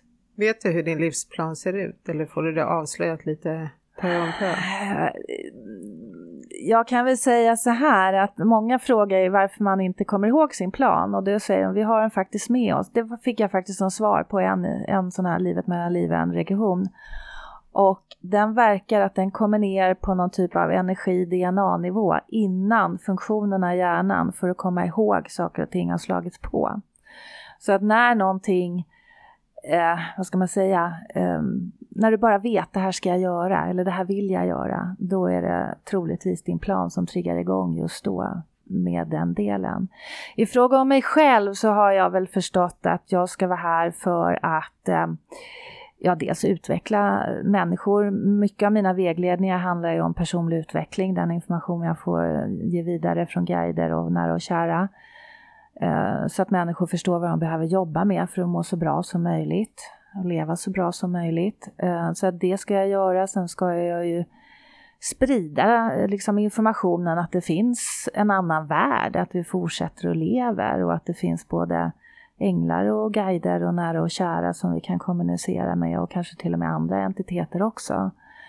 Eh, så det är nog de, några av mina huvudspår ifrån min livsplan i den ja, i den här fasen av livet i varje fall. Men då följer du ändå din stig. Jag menar du har ju de här utbildningarna och ja. inte ens en pandemi satte P för det utan nu, då hittar du ju bara andra former. Ja, om jag ska vara ärlig, mm. man måste ju överleva. Det här är min enda ja, inkomst. ja, exakt. Och, och, pengar, det är väl också energi. Ja, ja precis. det, men visst följer jag min väg. Men, men det handlar ju också mm. om att jag tycker att det är så roligt. Alltså jag har hållit kurser sedan, alltså jag började ju innan 2010 och höll lite små kurser via öppna spiritualister innan. Så jag har ju, ja, inte vet jag, 12, 14, 15 år har jag hållit kurser. Jag tycker fortfarande det är lika roligt. Mm. Eh, jag tycker det är underbart att se människor eh, utvecklas och nästa helg ska jag troligtvis, hoppas jag, alltså ja, det, det, blir inte nästa helgen när det här känns har jag förstått, mm, men om, om mm. härifrån då, få ge certifikat till kanske åtta personer och jag vet ju, jag kommer ju stå och, och gråta där, det, för jag blir så rörd liksom. Ja. Det, det, blir lite mina barn så som häftigt. jag ska släppa iväg efter tre, fyra år liksom. Mm. Så att jag tycker, det, jag tycker det är jätteroligt, alltså verkligen. Så att det är ju en av anledningarna till att jag liksom fortsatte. Och sen, sen kan jag väl säga det här med Zoom och gå över digitalt, där alltså jag har ju oerhört stor nytta av min IT-bakgrund. Mm. Uh, så det får jag ju också vara tacksam för. Och det, det kan jag väl säga till var och en att, att um, all, alltså allt det vi gör i, i vårt liv har någon typ av betydelse längre fram. Jag kan säga jag utbildade mig till läkarsekreterare för hundra år sedan ungefär och jobbade som det i några år. Men alltså jag har jättestor nytta av att veta hur kroppen fungerar, anatomi, när jag håller på med healing till exempel. Mm. Och det var ju absolut ingenting jag tänkte på när jag utbildade mig till läkarsekreterare. Det ska alla tänka på nu när man går upp måndag morgon och bara suckar och tar på sig gummistövlarna ute i regnet i jobbet man inte gillar. Det, så, det här, Eller hur, det här, kan jag ha nytta av. Ja, det här kan du ha nytta av. Faktiskt. Att det är en tröstfull tanke. Nu har jag ju förmånen att ha ett väldigt bra arbete som mm. jag som jag verkligen trivs med. Men samtidigt det här som den här snöbollen som vi har dragit i rullning nu, eller, mm. jag känner att det, det kan gå parallellt. Mm. Och det är det som är så häftigt att man har lyckats skapa sig en mm. verklighet där du inte behöver liksom göra avkall på någon. Mm. Nej. Va, va, vad guiderna brukar säga, det blir väldigt mycket fokus på guiden, men ja, de, de, ville vara med här på ja. Törn sa de innan, så att de får ju vara det nu. Mm. Det är att man ska välja utifrån glädje. Man ska välja det man tycker är roligt att göra. Sen kan ju det vara lättare sagt än gjort. Men har man ett liv, ett jobb eller en relation eller vad det än är som, som inte känns rolig, då får man nog börja fundera på hur kan jag göra någonting annat? Hur, hur kan min plan se ut? Och, och, du kan förmodligen inte förändra från ena dagen till den andra, men kan, man kan ta små steg framåt. Mm. Uh, för det väljer utifrån glädje och det som känns roligt, då, då skapar det positiv energi och då drar du till dig sånt och så får du lite hjälp uppifrån och så rullar det på. Mm. Um, sen, alltså man får, ju, man får ju kämpa och jobba en, liksom, ändå, men ändå det, det liksom man får inte allting serverat på ett silverfat eller guldfat, Nej, men, men, men, det är mycket hjälp. Att gör du det som du verkligen tycker om, då, då blir det också då lite lättare. För det här steget som du ändå uh, tog sen, okej okay, du fick mm. ju lite hjälp från företaget också, men det var ju ganska nyligen som jag sa till Robert, till, till teknikern, att Tänk vad snabbt man skulle kunna förändra sin livssituation åt rätt håll om man hade fått en pistol eh, ja. tryckt mot hjässan. ja, men, ja, hon säger så. Alltså, ja nu, nu måste du bara göra en förändring. Helt plötsligt så kommer man på hur man ska hitta pengarna, var man ska hitta kunderna, ja, man hittar ja. lokal och till och med vilket datum. Bara ja. en liten pistol där. Ja. Mm. Nej, nu, nu har inte jag något vapen på mig. Eller Nej. Jag var rädd nu. Det ska du alltid vara, men inte... Det är vi tacksamma för. ja, precis. Hålla upp en hagelbössa. ja, och då ja. skulle jag säga Pelle, om vi skulle eh, hitta en lokal där du och jag kan sitta på dagarna och jobba med våra vanliga jobb. Mm. Då ja, skulle du inte vara så här, nej men det går inte, utan jag skulle bara komma igen. Jag, jag skjuter dig om du inte hittar något. Ja, det är en motivation i sig, det är det ju. Men mer positivt är ju att, nej men det, det skulle ju absolut gå bra. Mm. Ja, för då är inte pengarna något problem. Nej. Nej. Men, men ibland är det liksom den osynliga bössan som kommer fram. Mm. mm. Alltså ibland är det kanske en arbetsgivare som tycker att Nej, men du är klar med ditt här. Och man mm. tvingas att mm. förändra sitt liv. Som dagen innan gick inte att förändra sa du till alla. Ja, ah, jag trivs inte på jobbet men jag kan inte sluta. Uppenbarligen gick det bra när chefen kommer säga att mm, Ja men så är det ju. Mm. Jo men så är det ju. Absolut. Jag kanske ska jobba som coach istället. Ja, det låter så. Mm, måste bara få vapenlicens först. Eller hur? Ja, gud. Alla andra vill ha diplom, jag vill bara licens. ja. Det behöver inte vara något stort, det behöver inte vara någon sån här hagelbrakare, någon 9 mm snö. Lätt att ha i handväskan. Då skulle folk förändra sina liv i handvändning. Ja, men det är ju en process. Alltså förändring är väl eh, alltid en process, kan jag känna. Eller ofta. Ja, mm. Det, alltså till, som för mig då, alltså det, det tog ungefär, många tror ju att jag tog beslutet från ena dagen till den andra. Eh, och på sätt och vis gjorde jag ju det med, rent konkret, men alltså det hade ju funnits i mitt huvud under många år. Mm. Um, sen visst, det var läskigt att ta steget, det var det, men um, så det är, och det är likadant med folk frågar hur, hur upptäckte du att jag var medial? Ja, det är ju inte bara en grej. Och nu har jag ju mm. dragit det väldigt kort då, men det var ju massor med grejer. Mm. Um, så att eh, det är ju processer, visst är det det. Jag är inne i en förändringsfas nu sen jag släppte min lokal och vet att jag ska göra lite nytt och lite annat, kanske släppa annat och det är jättejobbigt att släppa gammalt alltså. Mm. Men, men eh, det får vi ta den tid det tar och så blir lite nytt och släpper lite gammalt. Så följa flödet. Så kan man väl säga. Mm. Vänta in också. Jag vill ja, gärna ha en plan. Jag är också lite så här, jag får säga lite kontrollfreak nu för tiden jämfört med vad jag har varit. Så jag vet inte om mina elever håller med mig men, men äh, jag har ju på något, jag har ju haft förmånen att få uppifrån vad det är jag ska göra framöver. Och då vill jag få en plan och få det gjort, liksom, eller få på plats nu och inser inte att jag, även jag måste vänta in de rätta tillfällen. Jag har sökt efter kurslokal att vara i nu under hösten och, och titta på den ena och den andra och det stämmer inte och det funkar inte och det och så vidare. Och så helt plötsligt fick jag uppifrån bara en insikt att ja men den lokalen ska du kolla. Ja visst. Och då föll allting på plats. Fick exakt de helgerna jag ville ha och så vidare. Mm. Så att det gäller lite grann att vänta in rätt tillfälle också. Vision board, det är kanske inte så mycket mediumdel, men det är bra. Alltså jag vet inte om... Ja, ja det har ni pratat om. Det har ni pratat mm. om det, ja, vision board. Att liksom få ner vad är det jag har, vad vill jag ha in i mitt liv och vad vill jag göra? Och sen ta beslut utifrån det som jag har på min vision board. Mm. Då vet du var du är på väg och, och sålla bort en del dumma beslut, eller inte dumma ska jag inte säga, men beslut som kanske inte ska tas åt det hållet utan mm. åt annat håll. För det är två mm, event som jag har klurat på medan du var på semester, mm. eller du vet, vissa mm. jobbar ju. Ja, precis. Ja, jag har jobbat.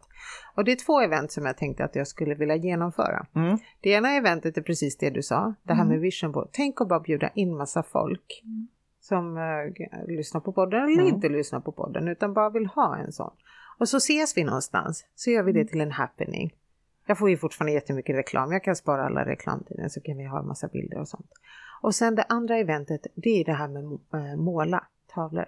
Ja just det, det har vi också mm. pratat om. Så mm. att eh, det är de två eh, evenemangen jag vill att vi ordnar. Ja, det tycker jag låter som en utmärkt idé. Det Så då roligt. får vi be våra guider om hjälp med lokal då. Ja. Mm. Ja. Ja, det kan inte vara så svårt. Nej, det är inte svårt. Lokalen för måleriet är redan klart. Det blev eh, bygdegården i Tyresö. Ja, det såklart. Som, ja. Nej, men jag önskar er en trevlig kväll. du får det låta som att det är aslångt borta. Du åkte till Los med mig, vet du? Det är... Ja, Ja, gud, jag var ju i Grekland för några veckor Ja, så åkte du till Grekland. Och så ja. grinar du för att vi ska till Tyresö. Ja. Robert hämta, han får Ja, men hämta. då är, det, då är vi hemma. Då funkar det. Jajamän. Vem är divan i det här gänget undrar jag? ja, det är lite oklart. Men Nej, det... jag tycker inte det är så oklart längre. Jag trodde först att det var jag, men det är du. Eller Ja, ja. Är för det, det här så. eventet skulle jag ta mig väldigt långt för det blir så himla bra event. Ja, det är, det är jättebra idéer alltså, verkligen. Jag är på, absolut. Mm. Mm, okay. Absolut. Robert, du får hämta. Ja. Så det är de Får man skjuts hem också förresten? När vi ändå är inne på det. Ja, mm. Underbart. Ja, du ser. Så de, de eventen vill jag i alla fall att vi ska genomföra. Ja, toppen. Då bestämmer det. Mm, absolut. Datum kommer. Mm. mm. Kommer du Elisabeth? Om du är i Sverige då? Um, ja, det kan jag. I varje fall måleri, där jag får väldigt mycket information uppifrån att jag ska måla. Mm. Mm. Uh, men mer som avkoppling. Jag har fått stränga order att vila i vila, arbete i arbete. Mm. Jag har lite svårt att förstå det. Eh, men måla, alltså absolut. Roligt. Vision board har jag gjort hemma så att jag tror jag avstår det. Ja. Ja, Jag fick tipset, Ja. återigen, nu kommer vi tillbaka till igen, den här genomlysningen jag har gjort. Ja. Och då fick jag ju också veta att jag är typen som egentligen inte ska göra en vision board, Ja. därför att jag är ju så spontan. Mm. Så att jag behöver egentligen titta mer på vägen eh, till liksom målet. Alltså det är väg, jag är med liksom processen. Ja, det, Ja, just det. Mm. Eh, Men det kan jag också förstå eh, för att om man har något litet mål så är det ju roligare för mig att titta vad kan jag göra idag för Mm. att komma närmare mitt mål. Mm. Så att om jag nu hade haft som mål att ta mig till Grekland då ser inte jag liksom att ah, nu är jag i Grekland utan jag ser mig så Mm. aha nu måste jag börja hitta resebyråer eller Mm. hotell eller så. Så att så jobbar jag. Men det är ju så mycket vision board. Det, det är ju inte bara att stoppa ner eller sätta upp det på en tavla eller jag gör ju digitalt när jag hittar bilder och så. Men utan det gäller ju också att se vad som händer i ens liv. Att liksom om jag nu ska ja, vad ska jag hitta på? Jag, vill, jag tar kurser och jag behöver en kurslokal och så råkar det dyka upp någon, någon som pratar om någon kurslokal. Ja, men det är klart, då måste jag utforska det. Jag måste grabba tag i det också som Ja. går i linje med dit jag ska. Så, för det är ju ingen, om vi nu tar Grekland, det är ju ingen som tar mig i håret och placerar mig i Grekland bara, utan Nej. på något sätt Nej. måste man ju ta sig dit. Liksom. Exakt. Men Ja. hur många är det inte som just har de här målen och Mm. låt oss säga att man vill åka till Grekland. Mm. Och det spelar ingen roll att det kommer greker och sliter i en eller Nej. ger en biljetter så är det ändå att man sitter med armarna i kors och inte Ja. fattar. Ja. Det är bara Mm. att gå fram och ruska tag i de här människorna. Mm. Så du har ju det här mitt framför nosen bara. Var det du som pep eller? Nej, det var inte jag som pep. Det var min lilla hund som Okej, pep. jag ville bara förtydliga för jag tänkte bara. Hon ville meddela att hon har sovit klart nu. Ja. Tror jag. Jag ska också börja med det. Eller hur? Behöver det vara Se något som händer. liksom, Ja. precis, är det ett pip just eller Ja, kan man bara komma med vilket läte Det som är väldigt helst? rolig hund för hon låter mer som en duva ofta. Alltså du vet det här ljudet Mm. som, ja. Vet inte varför, oklart. Ja, men fint var det i alla fall. Absolut. Eh, hade Jag du... måste få fråga en sak. Ja, det... Ja. Som egentligen inte har med någonting att göra. Men du nämnde ju Iris Hall. Ja. Och då undrar jag hur var hon som lärare? Jag tycker hon verkar så fascinerande som person. Alltså det man har sett på henne. Ja, det var hon. Hon var en väldigt bestämd dam. Skinn på näsan. Jag kan säga, jag hade oerhörd respekt för henne. Jag kände mig nog aldrig riktigt lugn förrän innan jag skulle ta mitt certifikat. Nej. Men hon var, alltså hon var ju duktig. Eh, hon krävde en hel del, var väldigt kärleksfull. Det var hon. Eh, ville, alltså vad ska man säga? jag hoppade ju, hon jobbade ju med svenska medium och, hopp, och jag hoppade runt lite grann tills jag hittade en kombination av henne och ett medium som heter Ann Johansson som finns nere på, ja, åt Halmstad till någonstans där. För då fick eh, Iris fritt spelrum. Det var ingen annan, så hon ville gärna synas och höras. Hon, var, hon, var, alltså hon var en dominant person. Mm. Ehm, men det, var, det är härligt att ha fått gått hos henne. Och hon kommer ju på besök ibland också. Nu, framförallt inför certifieringar så kommer hon. Aha. Ja, så det är lite roligt. Ehm, så att jag är väldigt glad att jag hamnade hos henne. Eh, för det var också, det var ju lite synkronicitetsmöten som hände efter den här veckan i Umeå. Att den ena personen förde mig till den andra och till den tredje och så hamnade jag hos Iris Hall. Ehm, så att ehm, Ja, hon, alltså det var härliga kurser, hon var kärleksfull men hon krävde mycket. Eh, kunde upplevas som lite barsk ibland. Eh, men mycket kärlek som sagt var inom henne. Eh, Ja, hon verkar bara så häftig. Jag tycker Ja, hon verkar ja. cool på något sätt. Jag ja, älskar det här med synkronisering. ja, Jag tycker det är bland det roligaste med livet. Det är när man Faktiskt. kan titta lite helikopterperspektiv och ser det här lilla pusslet. Som, det känns som någon annan har liksom målat det och Mm. bara slagit sönder alla bitarna och sen börjar vi sätta ihop allt. Faktiskt. Men det var verkligen så när jag hamnade där. Det var, ja, så det var, det var en, jag hamnade på en intuitionskurs, lite grann av det jag har nu med kvälls, alltså man kollar ja, tarotkort och lite annat. Och det var första gången jag gick på det, eh, första kvällen och det första gången jag träffade en person som jag hade pratat telefon med och så säger hon, ska du vara med på Iris Halls kurs? var om kanske två, tre veckor senare. Och jag sa, nej men snälla jag vet inte vad jag gett mig in på här. Jag kan ju försöka förstå det här först liksom. Ja, och så gick vi då de här tre timmarna den kvällen och sen så sa hon, ja nu får du ta det för vad det är, men liksom de där uppe säger att du ska gå kurs hos Iris Hall. Och då började jag liksom skratta och så fick jag ju bara ge upp och så anmälde mig på den kursen och, och på den vägen ner ju liksom. Ja. Mm. Så att äh, det var verkligen människor, jag puffades verkligen in i den här världen. Äh, både in i den och sen att jobba i den. Mm. Häftigt. Och även som transmedium, mina guider sätter ju mig i, alltså jag ska inte bli något transmedium. Men de har jag avbröt ju vanliga hemmaseans, eller inte hemmaseans, en vanlig seans. Och det var på öppna spiritualister. Så bryter de hela kontakten med, med nära och kära. Och så kommer min guide och säger, sätt dig där, transfiguration, säger han. Och jag, ja, 30-40 pers där som förväntar sig kontakt med nära och kära, de fick något helt annat. Ja, men de uppskattar det. Jag kan inte säga att jag var helt i trans då, men jag var väl mer det där man kan kalla för inspirerande tal. Att guiden var väldigt nära och pratade. Eh, så det var inte riktigt jag som pratade ändå. Men så, så jobbar mina guider med mig. De sätter mig i situationer som jag inte riktigt kan backa ifrån. Men där är fördelen att publiken är mer förlåtande. För hade jag velat gå och se E-Type och sen får jag höra Vivaldis fyra årstider, då kanske inte jag är så här jätteglad. Eller? Nej, nej. nej, just det. Nej, det, det var inom samma härad i varje fall. Ja, det exakt. var det. Det var, det. var det. Ja, mm. oh, gud. Visst har du i samband med, eh, med äh, Harmoni Expo också eh, har ju du eh, lite föreläsning och seans, eller hur?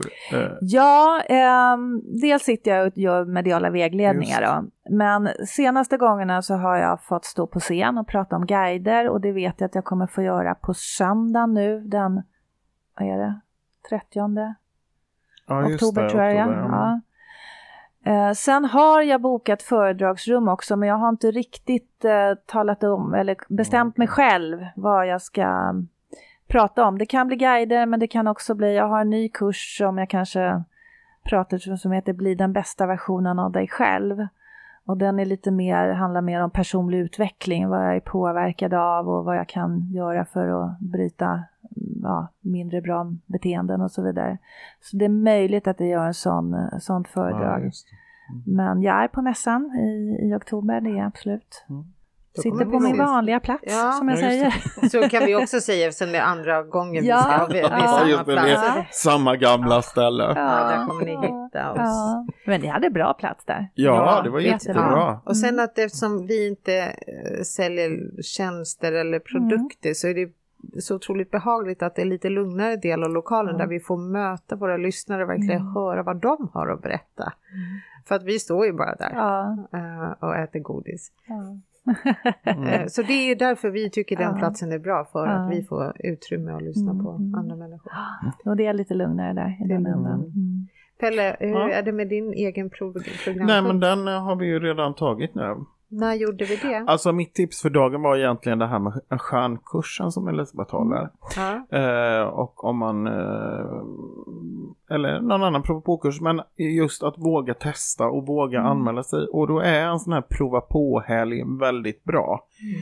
För du eh, får lite liksom smått och gott och eh, det är verkligen en ögonöppnare. Mm. Eh, ja. Mm. Så det, det, är mitt lilla tips. Mm. Att våga ta det steget och mm. gör det. För det finns ingenting att vara rädd för. Nej, och det finns inget krav på att man måste fortsätta. Nej. Utan mm. jag kommer självklart, om man hamnar hos mig på det så kommer jag berätta hur man kan fortsätta med de kurser jag har. Men det är ju inget jag kräver utan det är upp till var och en vad man vill göra. Mm. roligt. Jag hoppas att det här avsnittet får många att få den berömda tummen ur. Ja, faktiskt och, och boka de här för det är ju mm. otroligt roligt att få testa och sen kan man väl avgöra sen om det är någonting för en ja, men, exakt. men i alla fall prova på. Mm. För att jag vill säga Pelle att dina tips är helt fantastiska. Jag kollar på varje serie du rekommenderar, jag kollar på filmer, jag läser böcker. Ja men det är bra. Såg ni färdigt den här om, äh, äh, om äh, Card? Ja precis. Nej vi har inte hunnit titta färdigt för jag Titta, för den som inte har hört, titta färdigt på vad då? Ja, precis. titta färdigt. Nej, jag tipsade nämligen om, det finns på eh, Netflix en, mm. en film eh, om eh, spiritualismens grundare eh, Card, Allan Kardec. Mm. Eh, och eh, jag tyckte att den var väldigt bra för man får lite historia och lite, mm. ja, på ett lättsamt sätt. Mm. Eh, lite mer kunskap om det och så, och var det kommer ifrån. Så då tipsade jag om det. Mm. mm. I Finland verkar han vara eh, liksom ett stort namn.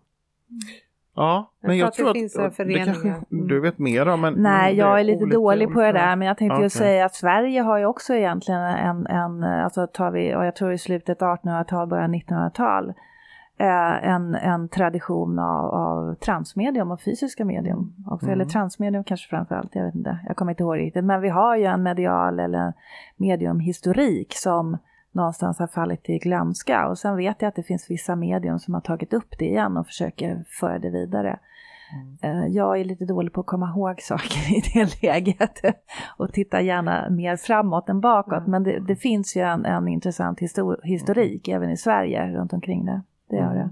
För han snappade upp det här med andebord. Ja, precis. Det var ju det mm. som var egentligen upprinnelsen ja. till det. Ja. Och sen har jag kört andebord flera gånger. Ja. Ganska nyligen. Jag säger du andebord? Ja.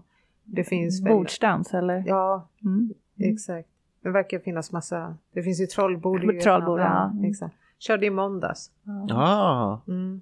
Det är roligt. Ja, det är väldigt, det är väldigt roligt. Mm. Och speciellt om man har med sig minst en som är lite skeptisk. Ja, ja. Och sen så kan man fråga den personen, är det du som flyttar bordet? Ja. När man inser att det är bara du, rent fysiskt är det bara du som kan flytta bordet, så är det otroligt kul. Ja, häftigt. Mm. Jag, eh, du såg Elisabeth, jag har ställt fram lite kort. Ja. Eh, ibland gör vi så att jag har dragit kort, men ibland är gästen som drar kort. Hur känner du idag? Ja, nu vet jag. Jag är ju en sån här medium som öppnar och stänger om man säger så. Mm. Eh, mina chakror, det är inte alla medium som gör, det är vi olika och det, så ska det vara. Jag får väl snabböppna lite och läsa något kort. Ja, välj själv. Du har lite olika kort att, att välja på. Ja, Ja. Okej, okay, och då får du ta tre kort. Jag väljer tre kort. Eh, du kan titta på dem. Ja, så välj är... av det som du känner att du vill ta. Där. Så ska vi se vad jag kan få för information till dig. Så, där har vi de tre korten, tack.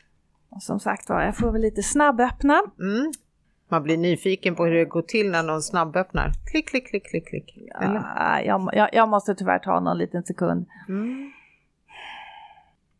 så behöver jag ju se dem också. uh. Okej, okay, det första jag får in utan att titta på korten mm. det är att du är en betydligt mycket mer allvarsam person än vad du um, ger sken av att vara. Uh, ganska så bestämd, det har ju i sig sagt att du är kontrollfreak men det, det, är lite grann, ja men så här, så här vill jag ha det. Uh, nu är jag, jag, är väldigt rak på sak i mina läsningar så att jag skulle väl vilja uppmana er till att ibland vara lite mer lyhörd för vad andra säger runt omkring. Uh, det är inte så att du inte lyssnar överhuvudtaget men, men uh, du gör ibland din egen tillvaro lite jobbig genom att alltså på något sätt vill jag ha någon struktur i ditt kaos om man säger så. Eller du sa att du var väldigt impulsiv men ändå. Så att jag skulle nog säga att du är nog mer strukturerad och mer, eh, alltså, ja det är en väldig blandning mellan dem. Ska jag säga. Eh, men betydligt mycket mer allvarlig än vad många tror. Mm. Eh, då ska vi se. Okej. Okay. Eh, väldigt fort framåt. Eh, liksom, det här ska jag göra, då kommer den här impulsiviteten in. Det här ska jag göra. Ibland blir det väldigt bra, ibland blir det inte alls bra. Och så efteråt, jag visste att jag skulle lyssna på min intuition, jag borde ha gjort så här istället. Eh, så, så, ehm, och lite grann när du far fram snabbt så missar du lite saker. Ehm, missar människor, missar ehm, Ehm, vad ska jag säga? Egentligen handlar det om att släppa, alltså släppa in människor, låter lite knäppt nu när jag har den här podden och verkligen släpper in människor. Men det här handlar ju lite mer om ditt egna privata liv, lite grann. Du är en ganska, du är en person med mycket integritet. Um, jag får in vatten, så det, jag skulle vilja säga att vatten är viktigt för dig, men, men, och du behöver mer vila i lugn och ro med vatten alltså du skulle behöva lite mer vila. Uh, och uh, du är lite lik mig där känns det som, för att jag vilar men sen ska jag alltid göra någonting ändå på något sätt. Så att här, här är det, vila är vila. Det är mm. liksom, uh, så här ser jag, får jag en bild att sitta på en sten vid havet eller vatten och så bara ta det lugnt. Och inte låta tusen och en tankar fladdra runt i huvudet. Utan fakt och det behöver inte vara meditation heller, utan bara, bara sitta, vara närvarande. För du har ju tusen och en tankar i huvudet hela tiden. Liksom. Jaha, jag har än så länge inte vänt på något Nej, kort, men jag bara, jag bara ja. tittar på den så får jag info. I normala fall använder jag sällan kort egentligen. Ja. Jag får direkt ifrån från guider. Uh, men jag kan väl vända på något. Uh, nej, det kändes inget bra. Jag får ta det. nej, nej, det är det. Mm. Ja, vi ska se. Det är nämligen lite, man ligger på lite olika frekvensnivåer. Om man går direkt mot en guide eller om jag läser kort. Och nu hamnar jag någonstans mitt emellan. Men vi ska se.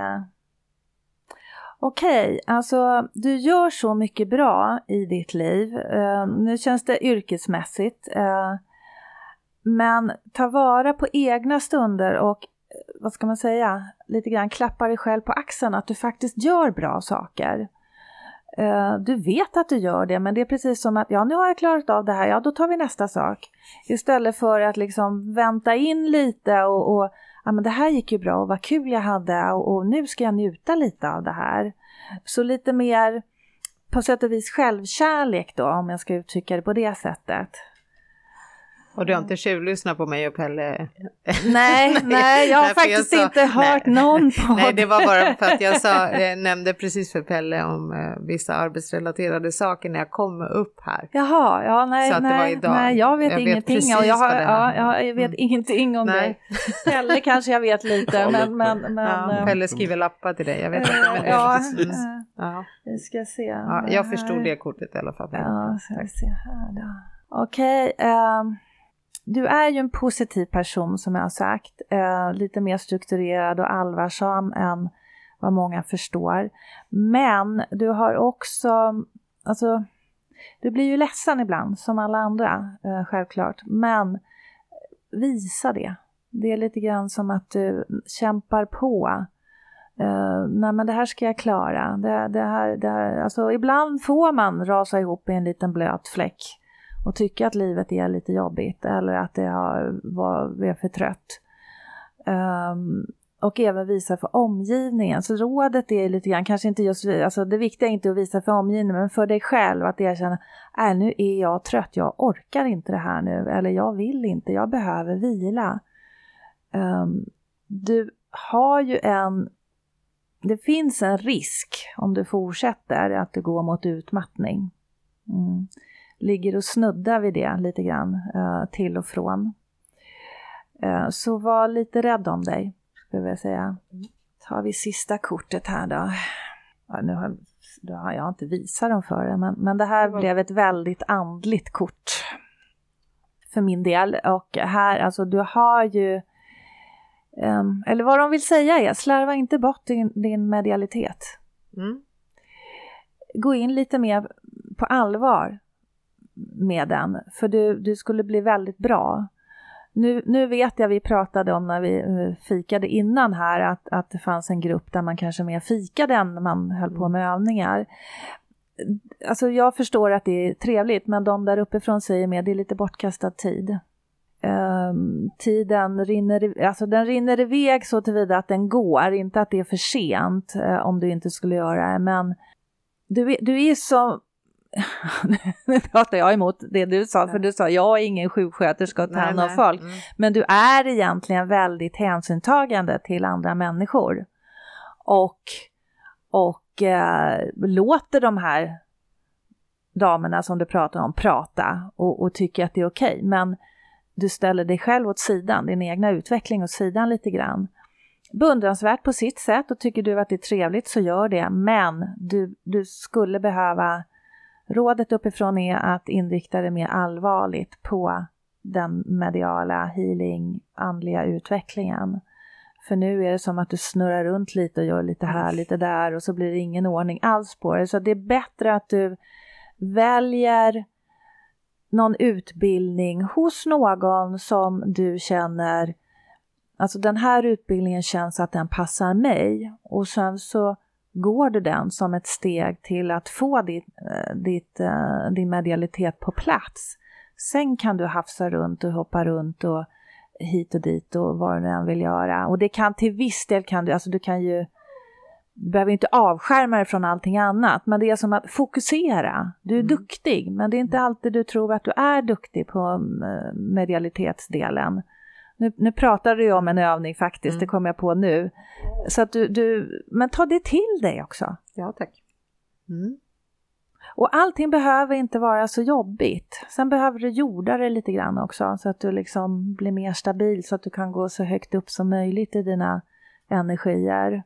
Och så bildar en egen uppfattning om vad som är rätt för dig. För att, och det här gäller nog inte bara till dig utan till alla, oavsett var man går hos, på, på kurs hos någon eller föredrag eller läser bok så ta till dig det som känns rätt för dig och, och bilda dig den, din egna sanning om vad är mediumskap, vad är andlighet för dig.